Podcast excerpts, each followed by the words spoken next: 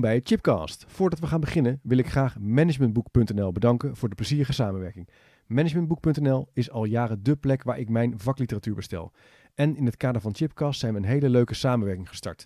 Op www.managementboek.nl slash chipcast vind je een overzicht van de boeken die de revue passeren in de Chipcast afleveringen. Neem dus snel een kijkje op www.managementboek.nl slash chipcast.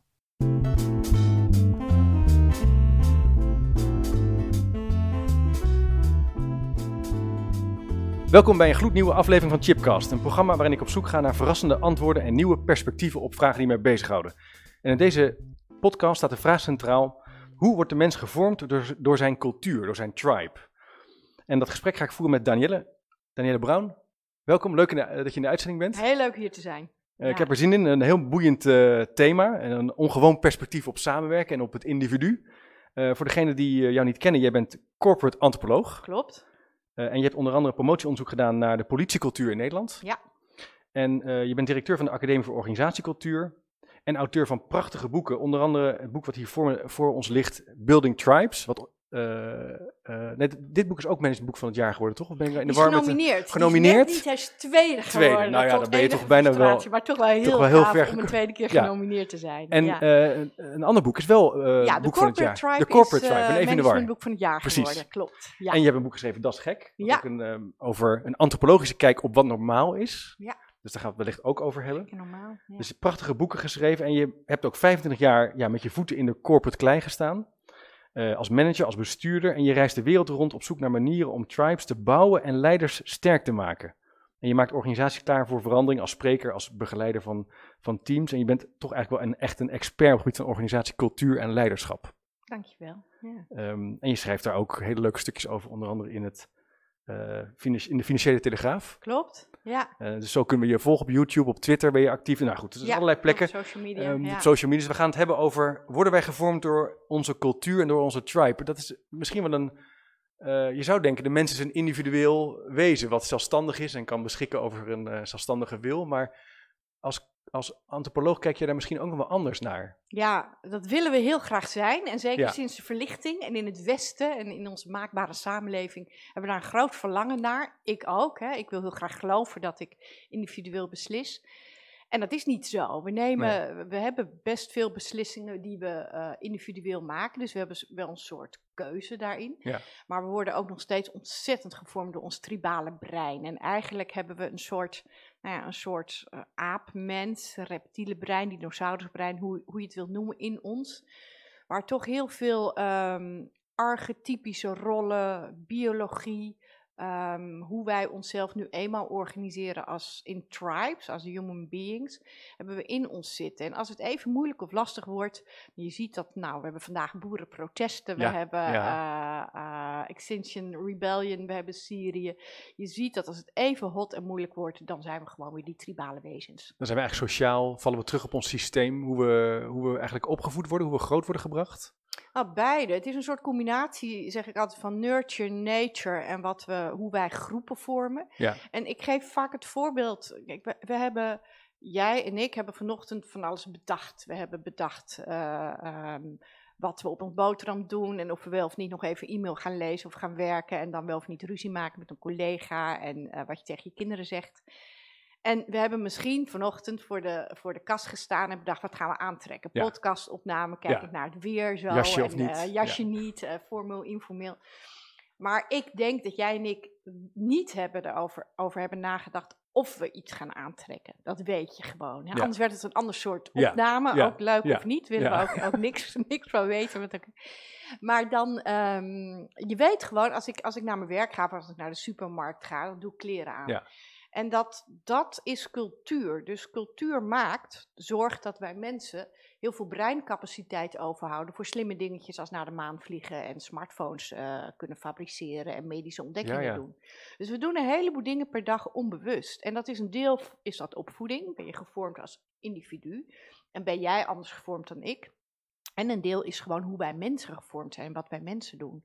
En als je kijkt naar fantastische programma's over vierjarige kleuters in zandbakken, dan heb je binnen vijf minuten heb je hiërarchie. Dus we kunnen wel zeggen dat we in zwermen willen organiseren, ja. of zelfsturend, teams, of ja. zo, zo, sociocratisch of diep democratisch willen zijn. Maar in wezen zijn we hiërarchische wezens. Dus we, we doen een heleboel dingen, nurture, eh, opvoeding, eh, groepsbinding, die we nu eenmaal doen. Ja. Wauw, interessant, maar daar, ook, daar heb ik me nooit zo bij stilgestaan dat het is bedoeld om ook ons, om eigenlijk energie te besparen, om dingen te automatiseren, zodat we denkkracht over Ja. hebben. Hè? Dat is natuurlijk een andere manier om te kijken naar cultuur. Het helpt Nou ja. ons om gewoon bepaalde dingen ro- routinematig te doen. Ja, het is een tamelijk briljante evolutionaire uitvinding. hè? ja. De dieren die eten elkaar gewoon op, gaan onder een boom liggen slapen.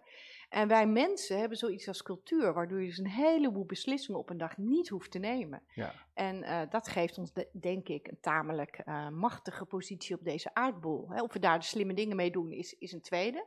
Maar het heeft ons, denk ik, wel gemaakt tot eh, machtige wezens Ja, die we staan wij aan de top in, die zin. Hè? We, Ja. interessant. Nou, we gaan daar wat verder over, het nog over hebben. Ik zou toch wel bij de. We gaan ook hebben. Wat is eigenlijk culturele antropologie? Wat is cultuur? Dat zijn vragen die we in deze podcast gaan verkennen. Ja. Ehm, waar ik toch wel heel nieuwsgierig naar ben, is hoe, bes- hoe beslis je nou om cultureel antropoloog te worden? Wanneer wist je dat? Nou, ik denk, ik weet niet of het zo is, maar je hebt denk ik wel mensen die voor een beroep geboren worden. En ik Ja. wist natuurlijk helemaal niet wat antropologie was, want er is niet zoiets, dat is jammer, als een vak antropologie op de Nee, basisschool. nee. Maar ik denk wel dat, ehm, ik ben altijd op zoek geweest naar patronen. Als kind al zat ik, ik had een behangetje met rare soort druiventrosjes. Ja. En ik was altijd relaties en verbandjes daartussen aan het leggen. Dus een soort, nou ja, bijna, een- ja, echt een soort tik om te kijken van, als ik die er nou bij doe, hoeveel meer netwerksystemen, Oh ja. relaties heb je dan. Dus daar ben ik altijd mee bezig geweest. En ik denk dat ik, eh, ik kom uit een gemengd religieus gezin, joods, katholiek, christelijke school. En ik denk dat ik echt als kind altijd al me heb afgevraagd, waarom geloven mensen allemaal iets anders? En waarom vechten ze elkaar vervolgens daar op de wereld de Ja. tent over uit? Ja. Dus toen ik 15 was, toen zat ik met de Bijbel, de Koran, de Bhagavad Gita, eh, wat helemaal niet mag, met een highlighter daarin te strepen. om te kijken wat overeenkomstige teksten waren. Serieus? Dus je was Ja, al... ja, dus ik denk echt, ik, ik heb, ben antropologie gaan studeren om mensen te begrijpen en menselijke relaties te snappen. Ja, Jeetje, interessant. Dus dat en nu was ben ik al... 50 jaar verder. En- ja, en dat is, je hebt helemaal je, je werk van gemaakt. Echt je Ik heb er mijn werk van gemaakt, ja. En mijn passie en mijn reizen. En ik heb allerlei uitstappen gemaakt. Ik ben inderdaad eh, manager, bestuurder geweest, een consultant. Dus ik heb allemaal uitstappen Ja. gemaakt. Maar uiteindelijk denk ik dat ik enorm gevormd ben door, door antropologie. Ja. Ja. En wa- wat zou- zouden we een poging kunnen doen om, om het vak te omschrijven? Hoe, kijk, wat is, wat- hoe kijkt een cultureel, cu- cultureel antropoloog naar, naar zijn omgeving? Of naar, zijn- naar de habitat waar mensen leven? Ja, ik vind, het- ik vind dat, eh, ik een vind dat een hele mooie vraag. Want antropologie is, omdat we het niet op school als vak hebben, is Mm. het best wel een, een moeilijk iets. Hè? Sommige mensen denken antroposofie of archeologie. Hè? Dus die, Antroposo- ja. dat ik botjes opgraaf. Ja, ja, ja, ja. Ja, antropologie is de leer van de mens. En dat is natuurlijk een hele arrogante term, want dan ga je over alles van mensen. Maar waar het eh, over gaat, is het gaat over relaties tussen mensen.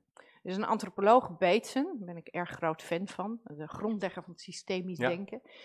En Bateson die zegt, goh, als je je hand opsteekt, wat zie je dan? En de meeste mensen zien vijf vingers. En Bateson zegt, ja, antropologen zien de ruimte tussen de vingers. Dus de white spaces, de bruine, roze, oranje, groene, ja. blauwe, in between people. En ehm, dat is wel interessant, want wij kijken in managementland, leiderschapsland, onderwijsland, kijken vaak naar individuen. Eigenlijk is dat een psychologisch model wat in, in MBA-achtige managementkring is doorgecijpeld. En dan is eigenlijk de oplossing als er iets in een team niet functioneert, is om met individuele mensen te gaan praten. Dus dan ga je met Marieke praten en Ja. dan hoop je dat je haar overtuigingen verandert en dat ze dan eh, ander gedrag gaat vertonen en dat het systemisch anders op elkaar inwerkt. En antropologen kijken eigenlijk naar cultuur als een soort deken die over een groep of een samenleving heen ligt. Dus je hebt een soort eigen entiteit, wat je cultuur noemt, met eigen wetten en logica en patronen. Ja. Dus als je gaat veranderen, moet je niet communiceren met individuen, maar dan communiceer je met die aparte entiteit. En dan is de grote vraag, hoe doe je dat dan? Dus hoe communiceer je met dat grote ding wat cultuur is? En daarover gaat antropologie. Het gaat ja. over het ding tussen mensen Het ding in. tussen mensen. We zijn eigenlijk Ja. constant aan, aan elkaar verbonden. En, en door die verbindingen worden we, eh, creëren we een identiteit die eigenlijk groter is dan wie we zelf zijn. Ja, En, Ja. en dat probeer je te begrijpen als antropoloog. Ja. En, en, en de vraag dan ook, eh, in een organisatie kan je dat dan een beetje proberen een richting op te krijgen. Als mensen Ja. zeggen, we hebben last van iets. Precies. We zijn helemaal niet wel- slagvaardig, we zijn, niet, we zijn heel reactief, we willen actiever worden. Ja. Dan zeg je, ja, dan, want heel veel, in heel veel verandertrajecten gaan we natuurlijk dan heel klassiek interviewen. Ja, We gaan eerst documenten lezen, dan gaan we interviewen, dan gaan we de opdrachtgever eh, contracteren. En dan gaan we een plan maken. ja, En dan, nou, dan een paar sessies doen en eh, coaching. En jij zegt, ja, dat Trainen, trainen. Zegt, nou, dat kan misschien soms werken, maar je, je mist daarmee ook wel een, werk, een manier van kijken die je, die je niet, die, die moet je ook proberen te gaan snappen. ja. Kijk, en die dingen die jij noemt, doe ik ook wel, hè? Dus Ja. het is niet zo Het is niet altijd slecht, dat het is het niet een, fout is. maar het is, het is wel een vrij dominante manier om te kijken naar, Ja, naar het Absoluut. veranderen. Hè? We- Het is toch een beetje de tsunami-achtige uitrol, hè? van Ja. boven naar beneden zo uitrollen. En wat denk ik de toegevoegde waarde van antropologie is. Antropologie, zeg ik ook wel eens, is een vertalen van systemen. Dus de, de kracht van antropologie, die is heel verklaarbaar uit de historie, is dat je heel goed leert in de schoenen van een ander te staan en diens wereldbeeld echt doorgronden en te snappen. Dus antropologen gaan van oudsher eh, naar verre vreemde volken om daar te kijken hoe mensen samenleven, samenwerken, kinderen krijgen, opvoeden, onderwijs geven, eh, oorlog voeren, het weer goed maken. En in organisaties, de corporate antropologen, die doen hetzelfde. Dus ik ga op veldwerk in een organisatie en ga hangen bij koffieapparaten. en ik doe ook wel interviews, gaaf, ja. maar informeler. Ja. En wat ik eigenlijk probeer, is, is het waarom van Ja. gedrag te snappen. Dus waarom doen de mensen hier wat ze doen? Ook al lijkt dat ogenschijnlijk voor een buitenstaander vreemd. Dus je probeert eigenlijk het, antropologen noemen dat het emic-verhaal. Dus het verhaal van de binnenstaander te begrijpen. En vervolgens kan je daar ethic, dus door de buitenstaandersbril, een oordeel over vellen. Of zeggen, goh, nou dit is de foto van jullie. Ja. Bevalt het je of niet?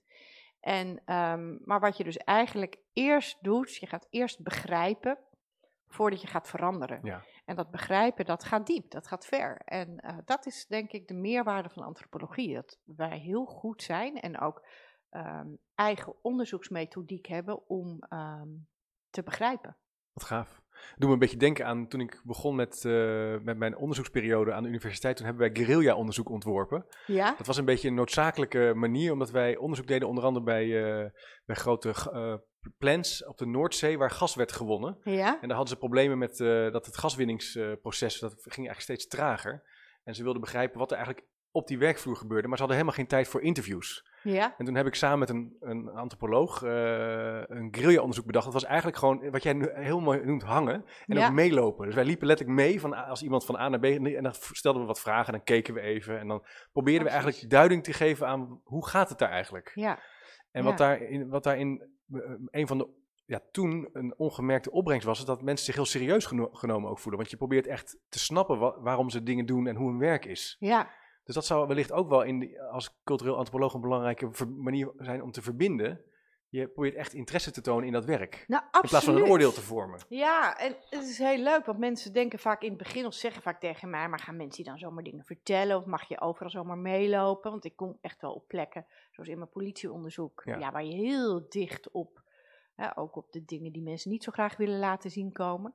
Maar mensen willen zo graag erkend en gehoord worden. Dus mensen zijn heel blij met oprechte aandacht voor hun werk. Ja. En eh, je krijgt heel veel informatie en daar moet je natuurlijk vervolgens heel eh, prudent mee omgaan. Ja, Maar het is ongelooflijk wat mensen je na één, twee dagen eh, laten zien en vertellen als je meedoet. Dus juist niet als je die onderzoeken met die vragenlijsten bent, maar als je gewoon meedoet en ook met je voet ja. in de blubber gaat staan. Ja. En, dat is, denk ik de kracht om, om ik, ja, ik vind de term mooi, guerrilla-onderzoek. En eigenlijk is het, dus ik vind het en een hele mooie term, en het is eigenlijk gek dat we het guerrilla noemen, alsof een invasive Precies, ja. online enquête is veel Ja. invasiever Ja. dan aansluiten Dan en meedoen. mee- maar, maar dat zijn we niet meer gewend nee, nee, nee, dat vinden we dan een beetje gek. Ja. Hey, en als eh, want we hebben het ook even over dat systemisch eh, kijken en denken gehad. Hè, van. Ja. Ik zal een linkje ook op de website plaatsen naar een, naar een bron daarover. Leuk, ja. Ehm, als je dan meegaat in dat werk, voel je dan ook het werk? Ik misschien een beetje vage vraag, maar word je ook onderdeel van dat werk als je bij die politie mee gaat kijken? Of blijf je on- onderzoeker? Ik kan me voorstellen dat je op een gegeven moment ook letterlijk hun dilemma's gaat ervaren in dat Ja. systeem? Of is dat, ga ik dan te ver? Nee, absoluut. Het is een continu. De, ik zeg altijd, eh, als antropoloog ben je het beste als je professioneel schizofreen bent. Dus, dus het continu in- en uitzoomen. Ja. Dus wat ik steeds meer doe, wat ik mezelf steeds meer toesta en ook college over geef, is eh, sensory anthropology. En dat is een beetje een nieuwe stroming in de VS.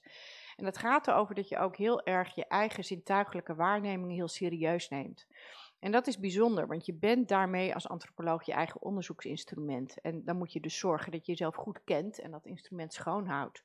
Dus als ik naar een bank ga en ik kom daar ehm, het eh, gebouw binnen en dat is een enorm gebouw zo en, en dat is heel imponerend. En ik voel als ik binnenkom dat ik denk, oh jee, heb ik wel de juiste kleren aan en, en oh, ik weet eigenlijk helemaal niet precies waar ik moet zijn. Dus dan voel ik me geïmponeerd. Mm. En dan kan je twee dingen doen als onderzoeker. Dan kan je denken, nou ja, ik ben dus altijd zelf, eh, hè, ik ben onzeker en, en zo ben, zit ik in elkaar. Ja, dus zeg iets over mij, ja. zeg iets over mij, afdoen als lastig of ja, ingewikkeld. En je kunt zeggen, hey, zegt dat iets over het systeem of patroon waar ik kom? En is dit hele systeem er misschien op gericht om mij te imponeren?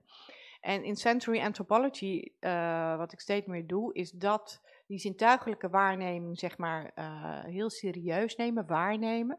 Checken of die van mezelf is of van het systeem. En die vervolgens ook gebruiken.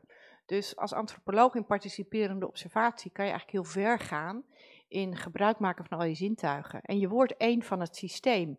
En tegelijkertijd is natuurlijk de kracht om er buiten te blijven staan en steeds weer Ja.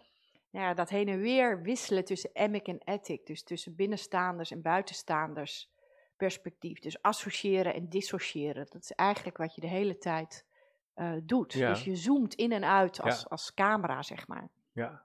Spannend. Het vraagt ook wel wat van je als, als professional. Hè? Dat eh, Ja. vermogen om dus te schakelen. Ja, veldwerk is heel vermoeiend. Veldwerk, dus ja, als ik veldwerk doe, ga ik vaak eh, Het kost echt ergens energie. in een huisje zitten. Wil ik ook niet s'avonds thuis zijn. Dus dan wil ik echt in het systeem zitten. En het is, het is heel zwaar. Je doet het echt met al je zintuigen. En in het begin kan je nog niet onderscheiden wat belangrijk is en niet. Dus dan is alles belangrijk. Ja, hè? Dus ja. antropologen van oudsher, toen ze, toen ze zo in, in Papua en, en, en koloniën onderzoek deden, eh, toen verzamelden ze etnografische rommel. Hè. Dat is de reden dat we nu problemen hebben in musea. Dat al die antropologen, die hebben heel veel etnografische rommel verzameld. Hè, in de vorm van, we nemen een Gewoon alles is piramide mee. Alles, je weet niet wat belangrijk is, dus je neemt gewoon alles mee. ja. Tegenwoordig kunnen we gelukkig foto's maken, dus, dus hoeven we dat niet te stelen. Maar dat is wel wat je doet. Dus je, je ordening is pas achteraf. Ja. Dus een psycholoog of een, of een econoom maakt eerst een hypothese. En die ga je aftoetsen. Ja. En antropologen gaan in principe met, met een, een hypotheseloos het veld in, kijken wat zich aandient en maken dan op basis van hun materiaal, vormen ze theorie. Ja. Dus grounded, Grounded theory. theory, ja, ja, precies. Een hele andere Dat is andersom. wetenschapsfilosofie dan, ja, eh, dan je ordent wel, maar later in je, in Ja. je wetenschappelijk proces. Ja. boeiend. En dat kan je dus ook gebruiken om organisaties te bestuderen. Om te kijken of ze dingen slimmer of anders kunnen doen. Absoluut, het is geweldig. En wat, wat heel mooi is, wat ik heel vaak na eh, onderzoek te horen krijg, is ja, maar je hebt ons precies zo beschreven zoals we zijn, maar dat wisten we toch al. Nou, dan heb je het goed gedaan.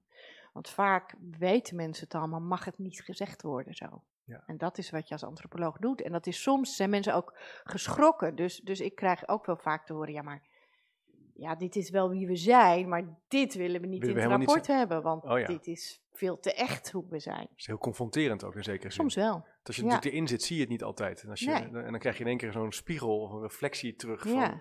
Zo kom je eigenlijk over en dat, dat, dat komt dan wel binnen. ja, je kijkt echt in de spiegel of Ja. de- hè, naar je eigen foto. Ja. Ja. Spannend, want het is ook wel... eh, hoe, hoe hou- verhoudt ze dat dan tot een vraag die je krijgt? Om te, want vaak wil zo'n systeem wel iets Ja, dus- veranderen. Of eh, ze willen Ja. leiderschap versterken. Of ze zeggen, ja, we hebben een fout gemaakt hiervoor. En we moeten die fout nu zien te voorkomen als team. Ja, En jij gaat er dan echt in met je collega's. ja, Gaat, dat, gaat die reflectie, eh, gaat dat eigenlijk aan? Gaat daar wat over teruggeven? ja. Nou, dat is natuurlijk inderdaad anders dan met de klassieke antropologie, hè, waar Ja. wordt gezegd van eh, maak eens een foto van nou ja, een land of een volk of een Ja. dorpje. En in eh, corporate antropologie is er vaak een aanleiding. Zijn mensen ontevreden over hun cultuur of ze willen veranderen of ergens naartoe of fuseren. En ehm, ja, daar ga ik dus gericht te zoeken. En daardoor kan eh organisatie-antropologisch onderzoek sneller dan eh, traditioneel onderzoek. Dus traditioneel antropologisch onderzoek, dan moet je minstens een jaar het veld in. Nou ja, je krijgt nooit een jaar Nee, bij een niet, opdrachtgever om nee. onderzoek te doen. Nee. Dus je bent blij als je drie weken krijgt. Dat is al fantastisch lang. Dus dan ga je met een veel gerichtere vraag, dus dan haal je alle ballast weg en ga je naar die ene vraag eh, kijken. Ja, zeker. ja. En dan kijk je eigenlijk, waar ik eigenlijk naar op zoek ben, is naar de patronen rondom dat gedrag. Dus waarom doen mensen wat ze doen en waarom doen ze het niet anders? Dus dat, als dat dan terugbrengt naar onze hoofdvraag, hoe worden we gevormd, dan, is het eigenlijk dan helpt het om te gaan kijken, zijn er bepaalde patronen die maken hoe, hoe, wij, hoe wij dingen doen, die dus blijkbaar normaal zijn geworden. Ja. Dat, is, dat geeft aangrijpingspunten om, om zo te kijken. Ja, dus, Ja. dus ehm, wat ik altijd zeg, we hebben universele vragen als mens. Hè? We hebben universele vragen, wat doen we met macht en status, wat doen we met gender, wat doen we met eh, verdeling van schaarste, hoe geven we ehm, verklaringen voor dingen die heel erg misgaan, voor rampen, dus hoe komt dat? En overal de wereld hebben mensen die vragen, of je nou een samenleving bent, of een organisatie, of een dorpje, of een familie, of een gezin, of een individu.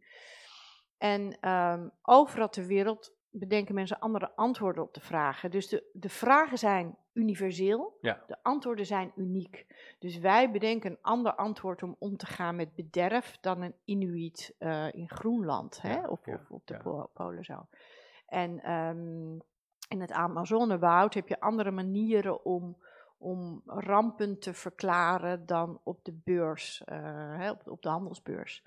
Dus de antwoorden zijn uniek. Antwoorden, ja, de, en je de zoekt naar uniek. de unieke antwoorden en naar de reden dat in die cultuur, in die omgeving, eh, die antwoorden zijn gegeven. Dus je kan ook veel leren. Dus dit, dit is dan ook een argument om van die andere culturen te leren, om daardoor te snappen hoe je zelf eigenlijk gevormd bent. Dus door die naar Ja. de Inuit te gaan. Ja, Kan je een voorbeeld geven van hoe bijvoorbeeld een ander, andere tribe zou omgaan met hiërarchie? Eh, even eh, als, want je zei dat is een terugkerende vraag inderdaad. Ja. Dat zie je natuurlijk ook in teams. Er wordt gezocht naar een bepaalde structuur. Ja, bij de kinderen al. Hè. Kinderen zoeken ook altijd naar een volgers, naar spelers, naar initiatiefnemers. ja, Eh, kunnen we leren van, van zo'n andere omgeving? ja absoluut. Ik, ik, vind, ik ben zelf heel erg gefascineerd, dus ik doe ook wel veel aan bioanthropology. Dus wat is nou onze natuurlijk als mens? Wat vinden wij nou fijn leiderschap? En ehm, waar kunnen we variëren? Dus waar kan je verschillende modellen hanteren? En ik vind een heel mooi voorbeeld van, van een heel rolbewust leiderschap. de Maori in Nieuw-Zeeland, die hebben die prachtige haka. Ja. Maar ze hebben ook de hongi. De hongi is een ontmoeting waarbij als twee Maori elkaar tegenkomen, dan leggen ze hun voorhoofd tegen elkaar aan. Ja, dat heb ik gezien. Ja. En hun neus en hun Ja. kin. En daar zit een heel verhaal achter. Dus als ze hun voorhoofd tegen elkaar aanleggen, zeggen ze eigenlijk: Ik deel mijn herinneringen en verhalen met je. En als ze hun neus tegen elkaar aanleggen, dan zeggen ze: Ik deel mijn levensadem met jou als het nodig is. En als jij stopt met ademen, ademen wij een tijdje samen. En als ze hun kin tegen elkaar aanleggen, dan zeggen ze: Ik ben jouw medestrijder als het nodig is. Nou, dat is een heel liefdevol, aandachtsvol samen model. En tegelijkertijd hebben ze die hakka. En die hakka, dat is, nou, die kennen we allemaal Ja, van het American ja, football. Hè? ja. Dat is een hele imponerende, stoere, heftige, een beetje enge dans. Ehm, dus ze zeggen tegelijkertijd is het heel erg verbindend en don't fuck with me zo. Ja, ja. Dus het is heel erg balanceren tussen power en love. En heel duidelijk maken wat je op welk moment doet. En ik vind dat een prachtig voorbeeld voor wijs leiderschap. Dat je heel duidelijk laat zien waar je van bent. En ik vind dat we op dit moment in, nou ja, dat klinkt zo groot, hè, maar in onze samenleving soms, soms het eh, gevoel van hoe moet het nou met leiderschap, hoe moet het met gezag, dat we dat wel op veel plekken aan het kwijtraken zijn. En Ja. ik denk dat rolbewust leiderschap, is iets anders dan dominant leiderschap, Ja. maar dat het helpt om weer te kijken hoe zat dat ook weer in elkaar. Zo. Ja. En wij spraken in de voorbereiding ook over een eerdere podcast met Maarten van Buren. Ja. Een filosoof die het over Spinoza heeft gehad en over Ja. autonomie. En in de, in de aanloop naar die vraag, die, ik heb daar toen een clipje over en daar hebben we toen over gecorrespondeerd, dat hij zei... ja, daar ben ik fan van jou en van Maarten van Ja, Buren precies, van dat was- geworden. Ja, Ja. prachtig Nou, Maarten van Buren is fantastisch- Ja, kijk het na zo Ja, kijk het na. Ik zal ook op de website kijkers. Ja. Ik dacht toen, hij gaat nu zeggen dat een autonoom en zelfstandig individu eh, geen hiërarchie nodig heeft, omdat hij als hè, een soort tegenreactie. Maar hij zei nee, een individu kent ook zijn plek in de, in de structuur, weet Ja. waar hij thuis hoort en daar zit ook een soort, daar zit vrijheid in, dat je snapt hoe de relaties zitten. En het lijkt wel eens, als je nu, ik werk dan veel in het onderwijs, maar ook wel op andere plekken, kom je dat tegen dat we zo aan het doorpushen zijn naar dat zelf organiseren, naar dat alles samen kan, dat er Ja. geen leider nodig is. Dat, dat leidt tot een soort stagnatie, maar ook tot irritatie, tot gedoe. Ja, Je hebt wel vanuit die Maori zei dat duidelijkheid nodig. over wie gaat wat doen wanneer. En, en er mag ook best wel richting zijn in zekere zin. Absoluut. Ja, ik geloof heel erg. Het is natuurlijk een lemniscaatbeweging. Hè? Ja, Zodra we ja, te veel is- vastzitten in systemen en in 50, 20 reismanagers willen we weer vrijheid en dan willen we weer, Ja. weer meer gezag. Dus dat, dat gaat Dat- denk ik wel op en neer, ook maatschappelijk. Maar ik ben heel erg met je eens. Ik, ik vind dat lastig, want ik zit ook in de bubbel van nieuw organiseren en, en andere leiderschapsstijlen. Ik geef zelf cursussen deep democracy en, en hè, anders omgaan met, eh, met hiërarchie. En tegelijkertijd ehm, denk ik ook dat het heel onnatuurlijk is om tegen ons eh, tribale oerbrein, wat nu eenmaal hiërarchie leuk vindt en nou- nou eenmaal uitgaat van apenrotsen, om daar tegenin te bewegen. Dus ik zeg vaak, zeggen mensen, hè, we moeten in zwermen organiseren. En dan Ja. zeg ik vaak, ja wacht even, we Ja. zijn geen vogels. Nee. We zijn echt primaten. Ja. Dat is echt hoe ons brein is gevormd. En we doen aan hiërarchie en aan paarvorming. Dat, dat zijn twee basisuitgangspunten van, van mensen. En als je stelselmatig probeert om dat weg te doen, omdat je dat ideologisch niet leuk vindt, dat kost heel veel energie. Omdat het informeel dan toch gebeurt. Dus je kunt een zelfsturend team maken en zeggen, nou niemand is de baas, maar het is echt handiger om te zeggen, ja, op donderdag is Agnes de baas en op vrijdag Rachid. En, ehm, want anders gebeurt het toch en er is heel veel gedoe, wat heel veel energie kost. Ja. Dus dat wil niet zeggen, omdat dat je ouderwets, tribaal, harkenstructuur nodig hebt en dat je er nooit van af kan wijken. Maar erkennen dat mensen nu eenmaal ook eh, tribaal en biologisch gevormd zijn, dat denk ik Ja. heel belangrijk. Ja. En dat vond ik prachtig van Maarten van Buren. Die zei, je, bent je eigen autonome zelf en je hebt je plek in het systeem. Ja. En ik denk dat we op dit moment soms ehm, ja, te puberaal ageren tegen je plek in het systeem. Ja. Ja, ik, dat, ik denk dat dat klopt. En, Zeker eh, ook in het onderwijs. Hè? het onderwijs. Politie, nou ja, alle gezagshebbende instituties. Ja, en ook de- naarmate organisaties wel groter worden, dat er allerlei mensen zijn die natuurlijk naar het werk van anderen kijken, daar ideeën over hebben, opvattingen over hebben, dat willen veranderen. Ja, En dat staat natuurlijk haaks op, die, op, die, op dat slim organiseren. Hè? Dat Ja. nieuwe organiseren gaat wel als een soort klein maar fijn, het handig en snel, maar er is wel een vorm van leiderschap. Want je hebt ook, want je hebt ook volgers nodig. Als er een leider is, wil je ook, zijn er waarschijnlijk ook volgers. absoluut. En die wil je, dat wil je wel duidelijk hebben met elkaar. Ja, en goed kunnen volgen vind ik echt een onderschatte eigenschap. Zeker, dat is is echt een fantastische eigenschap. we willen allemaal leiden en de baas zijn. Ja. Maar een hele goede, dat is het prachtige filmpje van de First Follower. Dus, dus de, de dancing guy. Waarin een man zo laat zien dat je een beweging maakt. Niet door de leider, maar door de eerste die ehm, eh, gepassioneerd volgt. En, en ik denk dat we volgerschap ontzettend eh, onderwaarderen in onze samenleving. ja, we willen zeker. allemaal op dat voetstuk staan. Ja, ik heb eh, eerder een, eh, nou goed, even terug naar een eerdere podcast met ehm, Frank Hulsbos over gespreid leiderschap. En die verkent het idee dat je in een team leiderschap kan laten roleren op basis van de expertise. Ja, En dat lijkt mij een hele logische redenering. ja je zegt, nou. Dan, jij bent heel erg goed in dit thema rondom leiderschap. We hebben nu een lastig vraagstuk op, over leiderschap. Nou, zou jij dan de aankomende week daar eh Ja. kartrek voor willen? Maar als het gaat over een curriculumontwerp, nou, dat heeft eh, Piet vaak het? gedaan. Zou jij dat willen doen? Ja. En dat je het ook- elkaar ook kunt gunnen. ja, prachtig. dat en zou- dan ben je en agile en wendbaar, Ja. maar er is wel de leider van dat onderwerp, of dat programma, of die week. Ja, En eh, daarmee ontken je niet de behoefte aan eh, duidelijkheid. Wie doet wat? Hè? Ja. Want dat is het gewoon. Dus het is ook, we, we, we hebben behoefte aan enige ordening. En ik, doe, ik werk veel met tribale rollen in organisaties. Hè? Dus je hebt de leiderschapsrol, maar je hebt ook de rol, de archetypische rol van de magier. Hè? De consultant, wat, wat jij en ik ook eh, in zich hebben. Dus de raadgever. En magier zijn is een, is een rol die die heeft ook bepaalde wetmatigheden. Dus als magier moet je oppassen dat je geen heks wordt. Dus dat je zuivere magie Ja. blijft bedrijven. Ja. En je hebt de archetypische rol in organisaties en in tribes van de jager, de innovator, degene die buiten speelt. En als je de jager gaat behandelen zoals je de verzamelaar doet, de mensen die Ja, uitvoerend elke dag de trom, de cadans slaan. Jagers moeten spelen en, en nerdien. En, en dat zijn de, de mensen van de afdeling Research and Development. En als je die, als ze terugkomen van een congres, gaat zeggen: Goh, schrijf even een verslagje wat het nut was. En vul even een reiskostendeclaratieformulier. worden ze heel ongelukkig. ja jagers moeten ziet. spelen. Ja, ja, ja, Dus, dus ik denk dat je niet alleen die leiderschapsrol ehm, het mooiste is als je aansluit bij ons tribale brein. Maar dat ook ehm, eh, andere archetypische rollen het best tot hun recht komen als we mogen zijn wat we zijn, namelijk tribale menselijke wezens. Gaaf, dus als je nu luistert, je denkt, wat, dan zou je de vraag stellen, wat voor soort type ben ik nou? Ben ik een jager? Ben ik een magier? Ja, Dat is een interessante vraag. ja en dat is dus niet een persoonlijkheidskenmerk. Het, het kan wel, sommige mensen Nee, meer voor, het Maar het gaat om dat, je plek in het geheel. plek in dus het geheel, ja. plek in het Ja. geheel neem je in? En jij kunt bijvoorbeeld eh, ehm, in je familiesysteem of in je buurt een andere rol hebben dan op je werk of in een opdracht in je eigen bedrijf. Ja, Zo. dus het is niet dat het is niet Dus een big chief- fi- Ja, precies. Het is niet een soort big five psychologische kenmerk. Jij nee, bent het nu is geen dit. Het kan- kleurtjestheorie. nee, nee, nee, het kan veranderen. Het kan veranderen. eh, dus ik ben chief van mijn eigen eh, bedrijf, Academie voor Organisatiecultuur. Maar als ik bij een klant ben en daar het systeem blootleg, ben ik duidende magier.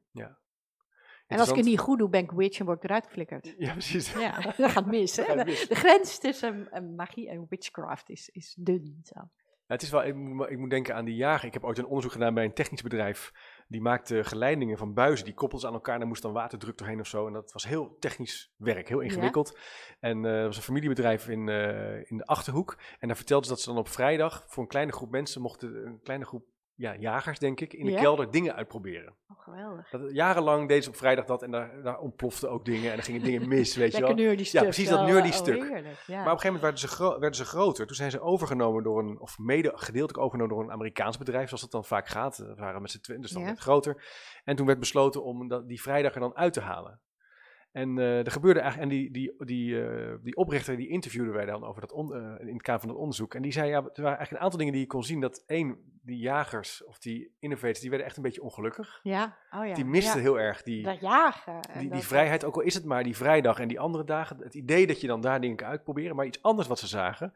Ze konden het zien dat het aantal patenten die ze aanvoegen en een aantal vernieuwingen, dat dat terug begon te lopen na Zo. een half jaar. Ja, Dus ze zagen ook dat die, dat die ruimte, als dat minder wordt, dat dat dus effect heeft op de bedrijfsvoering. dat is grappig hè. Dus dat is wel interessant. Het is niet alleen is het, zomaar nee. een soort vaag iets. Het is een levensbehoefte om, Het is echt een levensbehoefte. Ja. ja en om in die tribe te zijn eigenlijk. Hè? Want Om in die tribe te zijn. En ook als je verzamelaars, hè, wat we ook heel vaak doen, zo ook zo'n klassieke, zeg maar, archetypische weeffout, is dat we verzamelaars, dus, dus uh, nou, je ziet het nu heel veel in de GGZ, hè, de, eh, psychiaters zijn eigenlijk, zijn wel magisch voor patiënten, maar zijn um, uh, uitvoerders in een ziekenhuis, dus Ja, die, die ja. willen gewoon, die willen mensen genezen zo, hè, en, Ja. en artsen.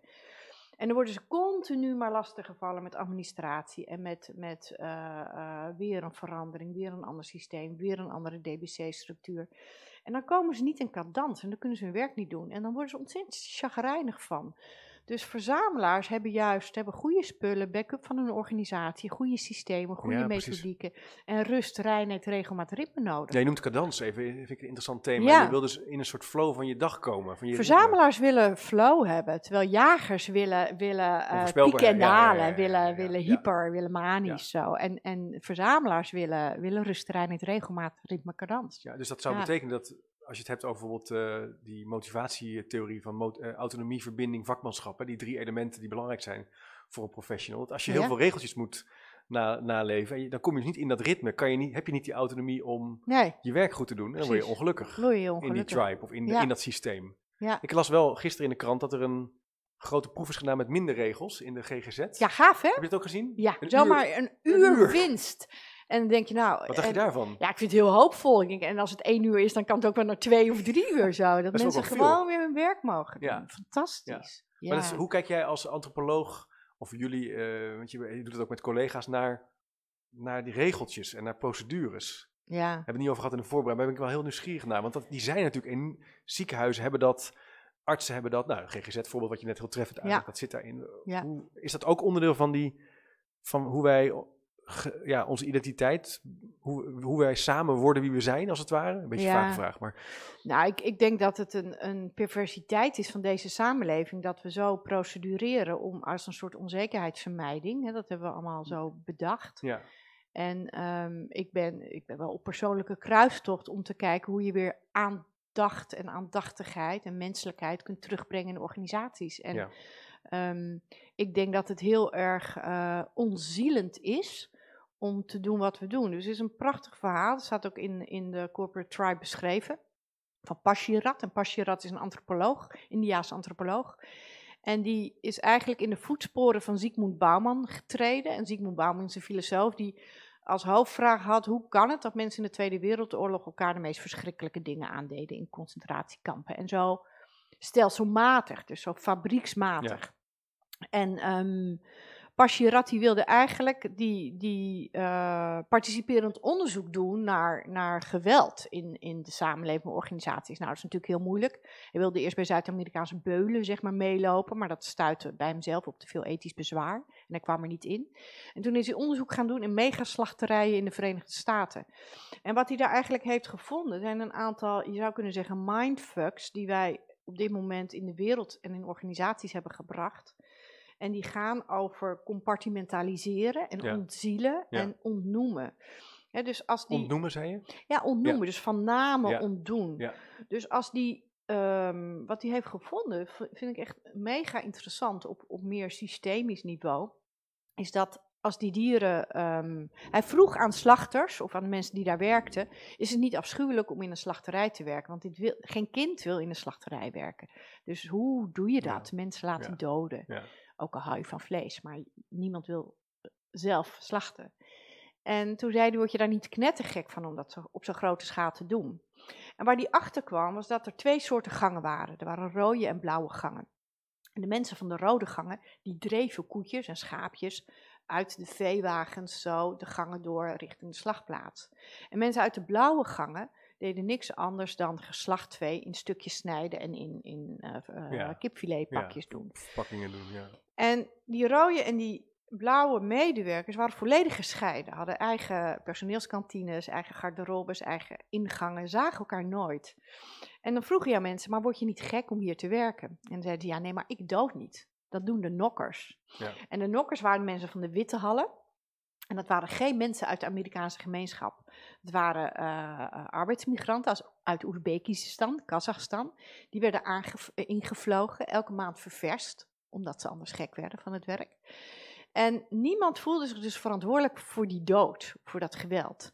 En dat werd dus heel erg gecompartimentaliseerd en ontzield en in stukjes gehakt. Nou, grote stap zo naar organisatie, van wat heeft dat met organisaties te maken?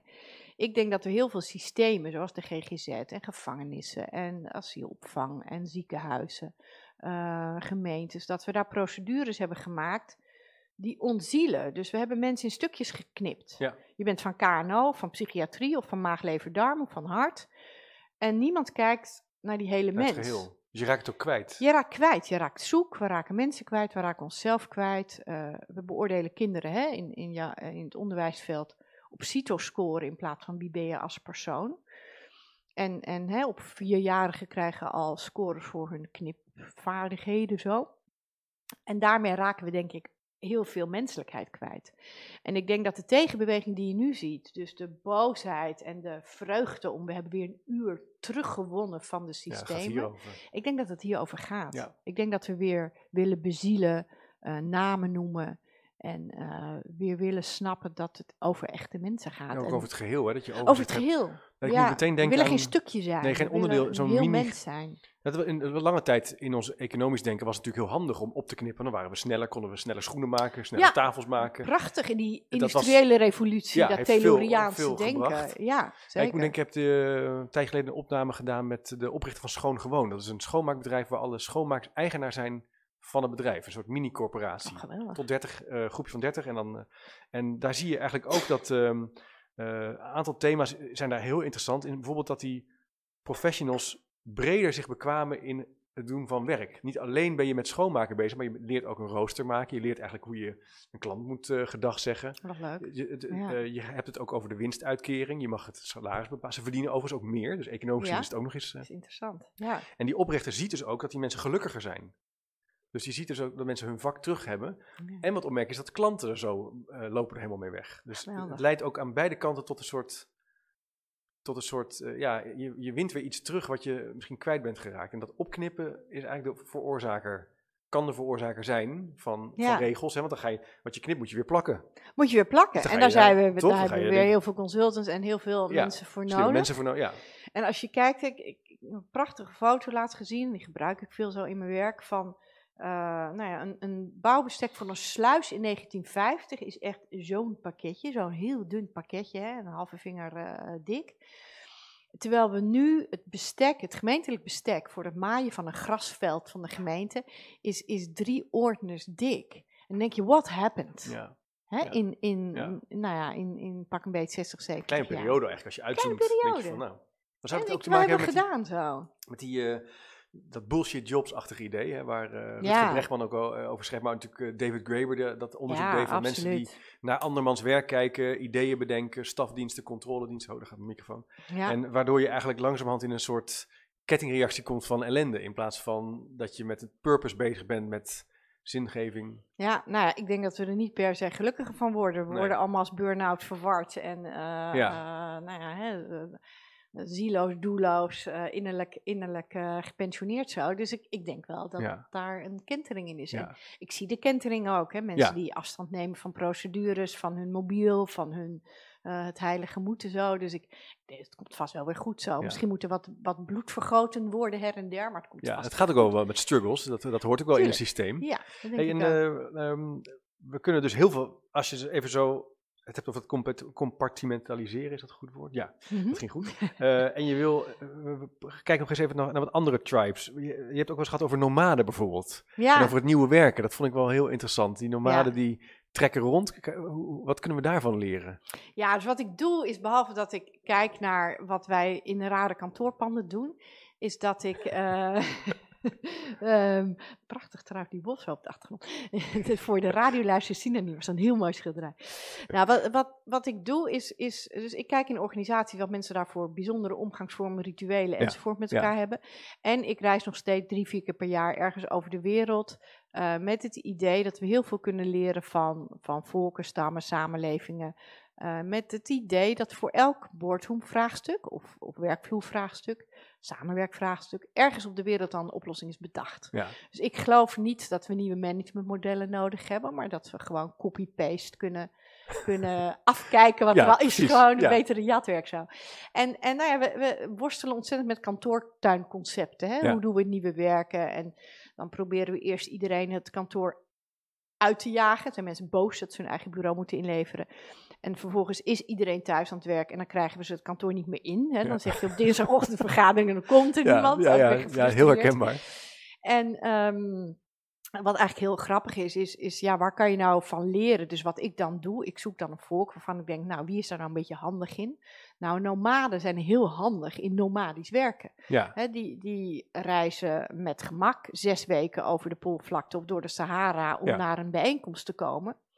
Maar dan moet je dus wel een aantal dingen doen op die bijeenkomst op dinsdagochtend. Dus je moet zorgen dat er eh, eh, voldoende eten is en dat er gedanst wordt en dat er huwelijkspartners kunnen worden uitge, eh, uitgeruild. Ja, en dat er echt een bezielde, mooie inleiding is. En dat het ook mag gaan over hoe gaat het met je en hoe gaat het met je familie. En dat er rankingspelletjes gespeeld kunnen worden. Dus dat je kunt laten zien dat je mooie sieraden aan hebt. En dat doen we niet. Dus dan gaan we nomadisch werken, maar doen we nog steeds de oude vergaderingsstructuur. vergaderingen en waar niks, met acht niks te halen is. puntenlijstjes, Ja. WVTTK aan het eind. Dat is niks te halen. Ja, ja, jij zegt je moet echt aandacht hebben op het proces en op bij elkaar zijn. Ja, dat moet je voorbereiden. Dat moet je dus ook wel doen. Anders is het, ja, dan Anders gaan is mensen niet komen. duf. Nee, ik zeg vaak, dan gaan mensen gaan ze no- nomadisch of kantoortuin eh, nieuwe werken werken.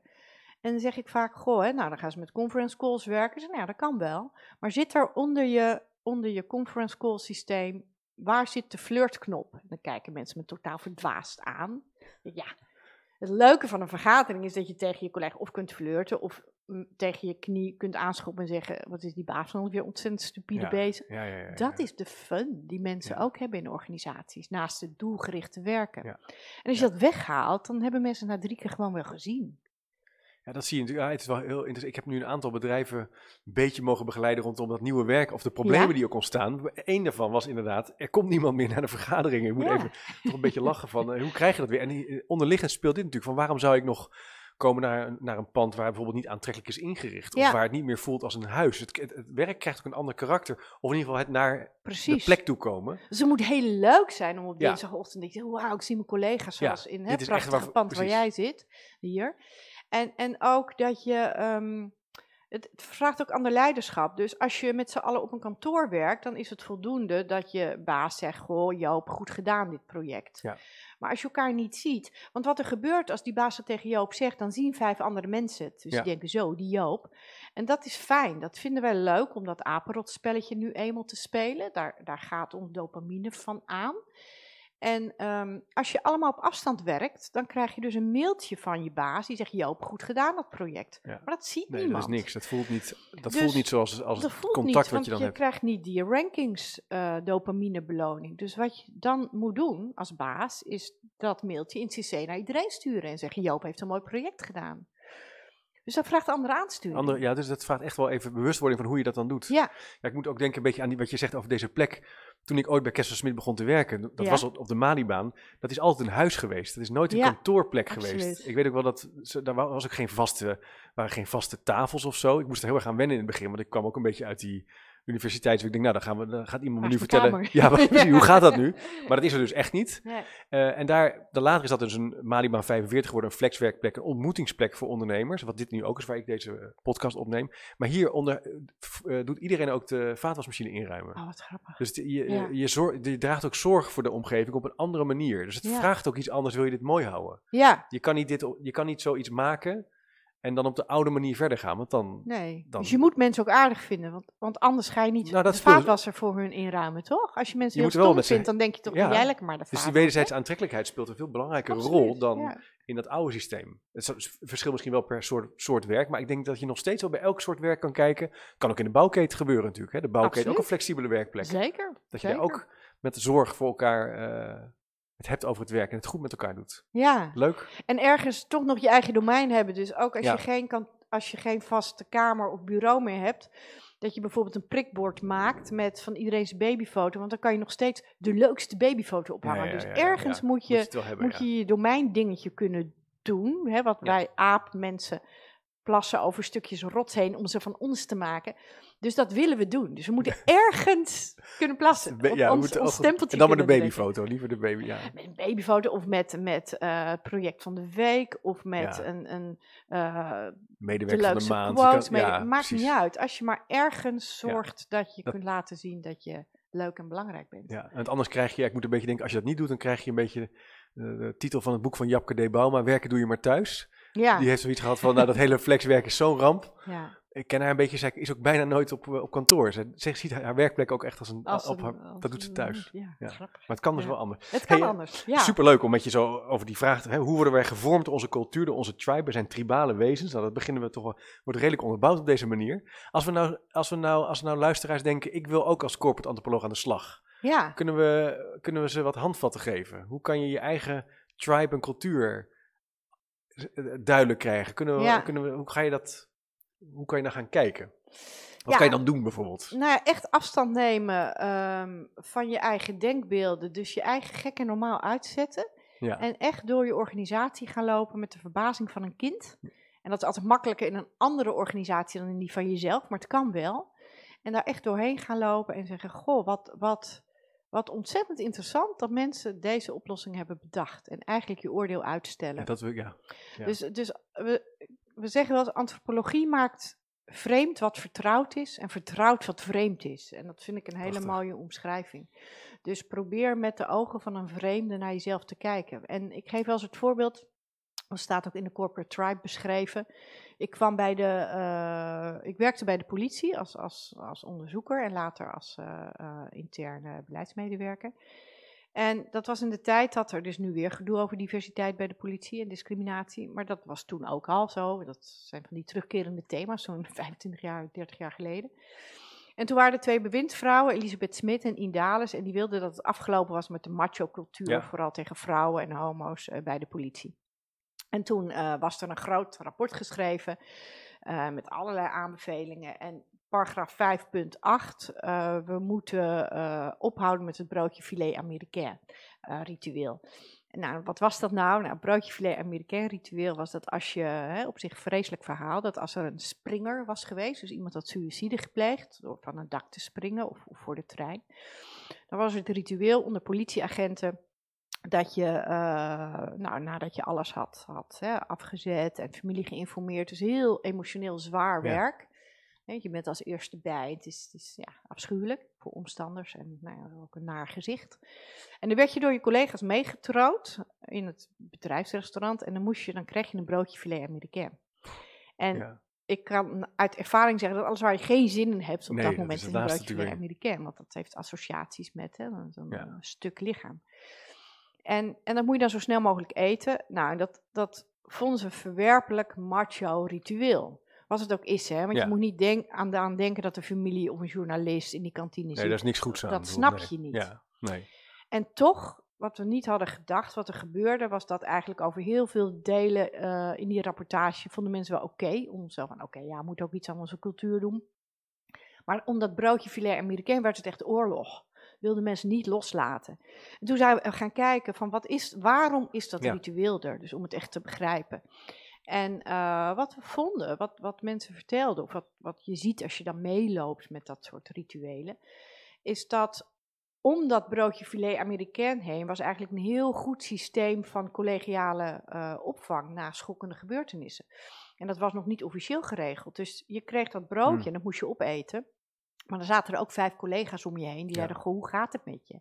En was dit je eerste of niet? En ken je zelf iemand in je omgeving die depressief is? En eh, kan je zo weer de straat op? Of moeten we Ja, vragen of je ja. wat eerder naar huis mag? Hele lieve, aandachtsvolle zorg. En door dat ritueel van het broodje af te schaffen, was eigenlijk de angst in het systeem dat die collegiale nazorg zou worden afgeschaft. En daardoor gingen mensen zo protesteren. Dus op jouw vraag, hoe kan je antropoloog worden, is om naar je eigen rariteiten in je organisatie te kijken. Schijnbaar onlogische eh, gedrag of procedures. En je echt oprecht af te vragen en mensen te bevragen op wat is het nut? Waarom is dit ooit bedacht? Ehm, heeft het nog steeds nut? Of kunnen we inmiddels professionele nazorg introduceren? Dus hoeft dit niet meer, dat broodje filet américain? Eh, of is het goed en moeten we het behouden? Ook al ziet het er voor buitenstaanders raar uit. Ja. En ik denk dat die houding, dus de houding van het onderliggende patroon willen snappen in plaats van oordelen, ja, dat zijn een soort antropologische vaardigheden waarmee je eh, een organisatie in kunt stappen. Ja. En ik probeer die mensen te leren. En nou, als antropoloog word je daar vijf, zes jaar in opgeleid. En je kunt het ook sneller leren. En het gaat vooral om afleren. Het gaat vooral om afleren van eh, categoriseren en in hokjes stoppen. Ja, snel al eh, denken van, oh, dat Snel zal dit wel zijn. oordelen. Snel inderdaad. Onze eerste reactie van mij ook en van jou ook is zo'n broodje filet américain ritueel. Dat is verwerpelijk. Dat moeten Ja. we niet doen. Dat is naar, dat is ruig. Tot je ehm, snapt dat het eigenlijk ook heel lief is. Ja. En dat is nog steeds de vraag, goh, kan dit ook op een andere manier? Ja, daarom is het doen- van onderzoek ook zo leuk. Dat je dan Ja. vragen kan stellen en je echt Ja, kan verwonderen Echt over kan iets. verdiepen. En dat is toch wel, als je ergens in een systeem zit lang, wordt dat lastiger. Maar de oproep is eigenlijk als je dus met die tribe aan de gang wil gaan en je wil ook antropologisch onderzoek doen om Ja. op die manier te werken aan verandering, om zo met verwondering en aandacht zonder oordeel proberen te kijken. Ja, en dat is de onderzoekskant. En dan is vervolgens natuurlijk de vraag, ja, hoe verander je dan Ja. cultuur zo? Ja, Nou, en wat we weten is dat, eh, hè, dus, dus wat ik net vertelde, zo de psychologische knop aan, aan te, om aan te draaien is om individueel gedrag bij mensen te proberen te bespreken en te beïnvloeden. En de antropologische knop aan, om aan te draaien is dat je met die culturele entiteit communiceert. En dat doen we overal op de wereld door middel van rituelen en verhalen en religie, ehm, taal, ehm, gemeenschappelijke, eh, ja, gek of normaal categorieën. Daarmee communiceer je eigenlijk met dat cultuurding, dat Ja. ding tussen mensen. Dus we weten dat als je eh, goed ritualiseert, dat je afscheid neemt voor fusie. Dus ik zeg altijd, doe een vrijgezellenparty voor je gaat trouwen. Heb je wel je vrijgezellenparty gedaan? Dus nog één keer barbecuen met de oude club collega's. En als je dat niet doet, heb je vijf jaar later nog een geheim WhatsApp-groepje. Ja. Dus rituelen helpen bij verandering. Dus we weten uit samenlevingen en uit antropologie en uit kijken naar tribes, weten we ehm, wat mensen van nature bij verandering doen. En die eh, oude wijsheid kan je gebruiken om verandering in organisaties makkelijker te laten lopen. dus maak ook nieuwe rituelen. Maak nieuwe rituelen, Ja. ja. die aansluiten bij het narratief wat er al is. Ja. Ja, dus dat is dus spanning tussen het begrijpen van het narratief en het verhaal. En aan de andere kant al een beetje Het beweging gaan maken en het Ja. omvormen. Dus je wilt wel die aandacht na een suïcide bij de politie, maar je wilt niet het broodje. Nee, En hoe ga je nou zorgen dat je een nieuw ritueel introduceert wat er minder Ja. verwerpelijk uitziet, Ja. maar wat wel de waarde van nou ja, wat nodig is in het systeem in stand houdt? maar ik denk dat dat ook wel gaat over... eh, ik sprak gisteren toevallig iemand over eh, geen ongevallen in de bouw. En uh, Heijma, Heijmans, heel groot eh, bouwbedrijf dat geen ongevallen wil. Die eh, willen ook een cultuur, een veiligheidscultuur. Oh ja, En daar zijn ze best wel heel goed eh, in aan het slagen. Het blijft natuurlijk elk ongeval is één te veel. Maar je ziet dat, dat, dat ze dat ook doen met hele kleine initiatieven. Dus je kan wel hele grote plannen maken. Ja. Maar ze zijn eigenlijk gewoon begonnen om te snappen hoe gaat het nu. En vervolgens langzamerhand initiatieven te ontplooien. Kijken wie wat wil, wie nieuwe rituelen wil maken in die bouwketen. Er Oh, zijn voorbeelden. ja, En dat gaat ook wel over veranderen door klein te beginnen. ja, Maar ook klein te blijven. Het hoeft niet allemaal groot. En daarmee bouw je grote rituelen uiteindelijk. Hè. Dat, dat kan elkaar dat kan optellen naar iets groots. ja, fantastisch. Dat is mooi, denk ik. Ja, dat is heel mooi. En ik, ik noem dat virale verandering. Dus dat je Ja, verandering vinden wij het leukst. Hè, als je kijkt hoe, hypes als Pokémon of, of nou ja, hoe Ja, dat verspreidt. Is niet omdat, zeker niet omdat je leraar zegt dat je Pokémons moet gaan vangen. Dus, nee. dus dat gaat peer-to-peer. Dus als je peers zegt, is het veel leuker, aantrekkelijker, wil je meedoen. Dus veranderen bewegingen komen tot stand door kleine speldenprikjes. En ja, wat ik dan doe, dan reis ik naar voodoo-priesters, want die zijn heel goed in speldenprikken uitdelen. Hè? Die hebben, zijn heel goed in beïnvloeding Ja, ja, ja, ja. en oorzaak en gevolg omdraaien. En ehm, nou, dus hoe kan je speldenprikken uitdelen? We hebben zelfs een, dus een neocoloniaal spreekwoord. Ik ga even wat speldenprikjes uitdelen. Komt uit voodoo, zo.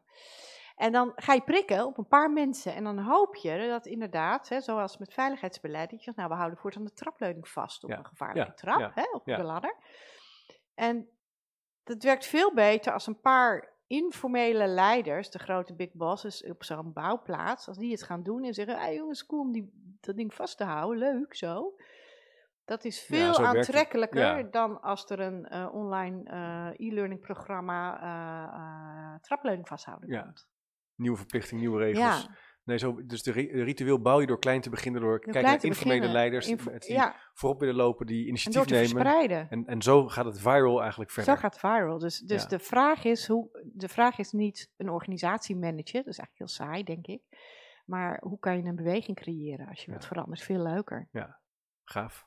Leuk dan je. Nou, dat is eh mooie vervolgvraag. Hoe ga je beweging creëren? Ik heb daar eerder ook over gesproken met, eh, met Hans Vermaak ook over. Klein oh ja, veranderen. ja, dat lijkt ja daar, die ken je ook hele wel. mooie dingen in. Die zegt ja, ook hele mooie dingen over, erg dus, overeen. Wat dat betreft, is wel heel, wat heel interessant is, een kleine reflectie op het gesprek, is dat we heel veel verbinding leggen ook met veranderen en met, met leiderschap en met dat klein, klein veranderen, groot veranderen. Dus, de- en dat er veel filosofie, ja, dus dat lijkt me of dat vanuit die culturele antropologie in één keer heel veel dingen zo bij elkaar kan rapen.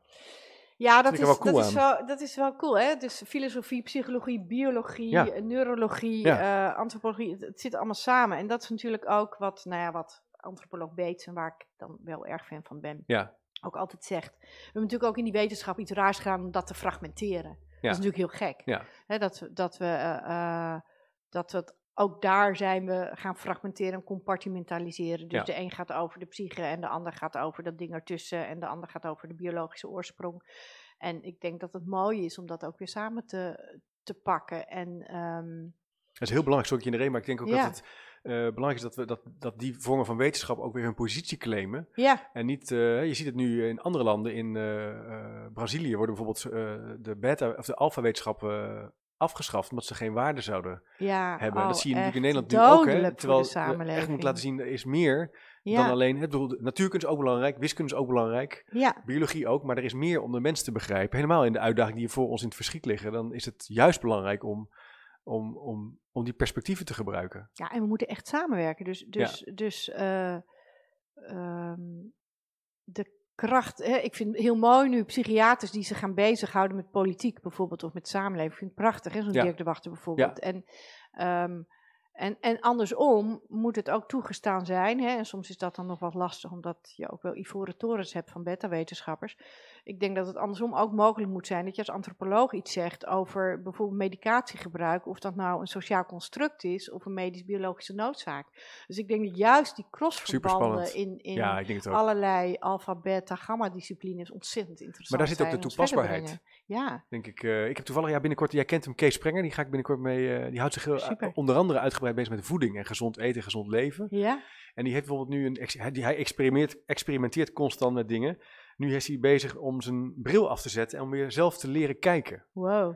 Dus ook om te kijken van ja, de wetenschap zegt misschien wel dat mijn ogen het niet goed doen, maar ik ga gewoon eens kijken. En daar is een, een onderzoek heeft daar een boek over geschreven, Leren zien volgens mij heet het. Ik zal het Oh, op de website cool. plaatsen.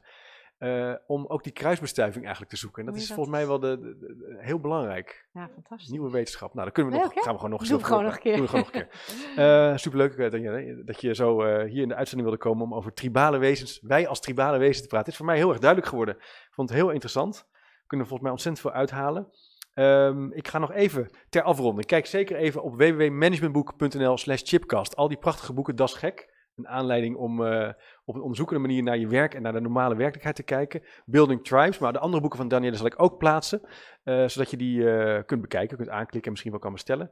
Ehm, beste kijker en luisteraar, bedankt voor het kijken en luisteren. Kijk ook even op www.chipcast.nl voor de eerdere uitzendingen. En slash doe mee kan je je automatisch inschrijven. Dan krijg je elke week in je mailbox een nieuwe uitzending. Gratis en voor niets. Nou, dat lijkt mij eh, onweerstaanbaar.